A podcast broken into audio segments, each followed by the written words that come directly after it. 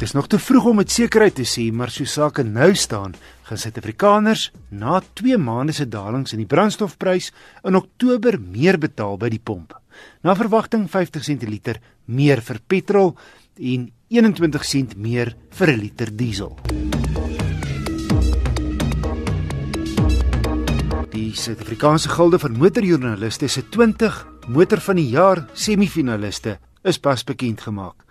Die lys van 20 lyk so: Audi A4 en Q7, BMW 7-reeks X1 en M2, Ford Figo en Everest, Honda Civic, Hyundai Tucson, Jaguar F-Pace, Mazda CX-3 en MX-5, Mercedes E-Klas, Opel Astra, Suzuki Vitara, Toyota Fortuner en Hilux, Volkswagen Tiguan en Passat en die Renault Kadjar waarvan ek onlangs twee modelle getoets het, 'n petrol en 'n diesel, albei met voorwielaandrywing. Die Renault val met 'n lengte van 4.5 meter mooi tussen die Nissan Qashqai en X-Trail modelle waarop hy gebaseer is. Wat voorkoms aanbetref, is die Kadjar baie stylvol, veral in die vlamrooi kleur waarin die twee toetsmodelle gekom het.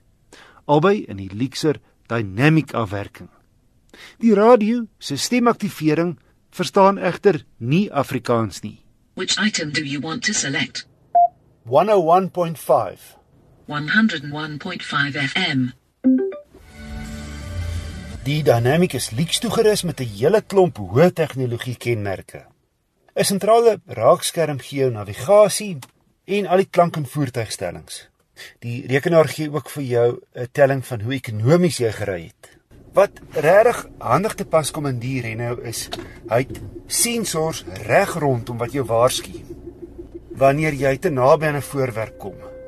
'n Baie moderne paneelbord met 'n groot elektroniese toereteller in die vorm van 'n tradisionele syfer toeremeter, maar dis alles elektronies en die spoed word vir jou reg in die middel gegee. Die syfer, geen naald hier te sprake nie. Een van die talle hulpmiddels is 'n bandpapry waarskuwing. Ek het op die linker agterwiel 'n stadige lekkasie gehad.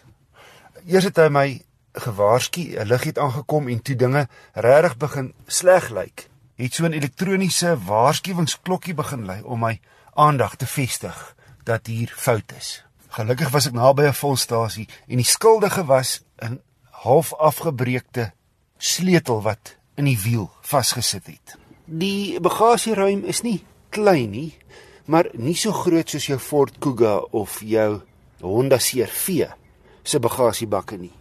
Hier is darem 'n volgrootte spaarwiel heel onderin. Baie handig is dat jy deur net hier agter die bagasiebak te staan 'n hefboom trek om die rugleunings 1/3, 2/3 te laat afslaan. Besonder gemaklike sitplekke Die sagte leer op albei modelle is egter 'n opsie waarvoor jy ekstra betaal.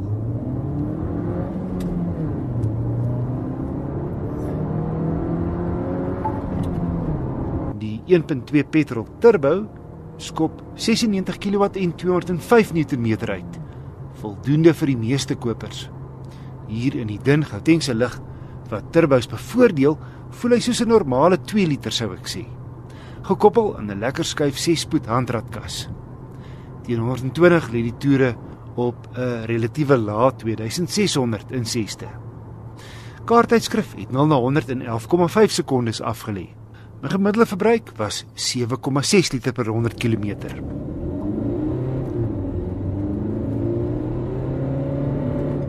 Die 81 kW 1.5 turbo diesel, 'n hele ent ligter, 5,8 liter per 100 km op identiese toetsroete. 'n 6-spoed outomaties in die EDC model werk goed saam met die 240 Nm wrinkrag, reeds vanaf 1750 toere beskikbaar. Verder albei hanteer slaggate heel goed en die grondvryhoogte is 'n skaflike 20 cm. Die Renault Kadjar Dynamic 1.2 turbo petrol 6-spoed handrat kos R389.900. Die Dynamic 1.5 turbo diesel 6-spoed auto R414.900. Die Kadjar reeks verdien 'n plek as semifinalis in die motor van die jaar kompetisie en ek sal nie verbaas wees as hy op die ou end die kortlys haal nie.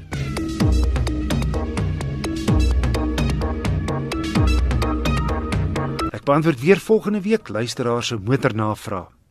Intussen stuur gerus 'n e-pos met 'n navraag, het sy tegnies of andersins na wissel by rsg.co.za.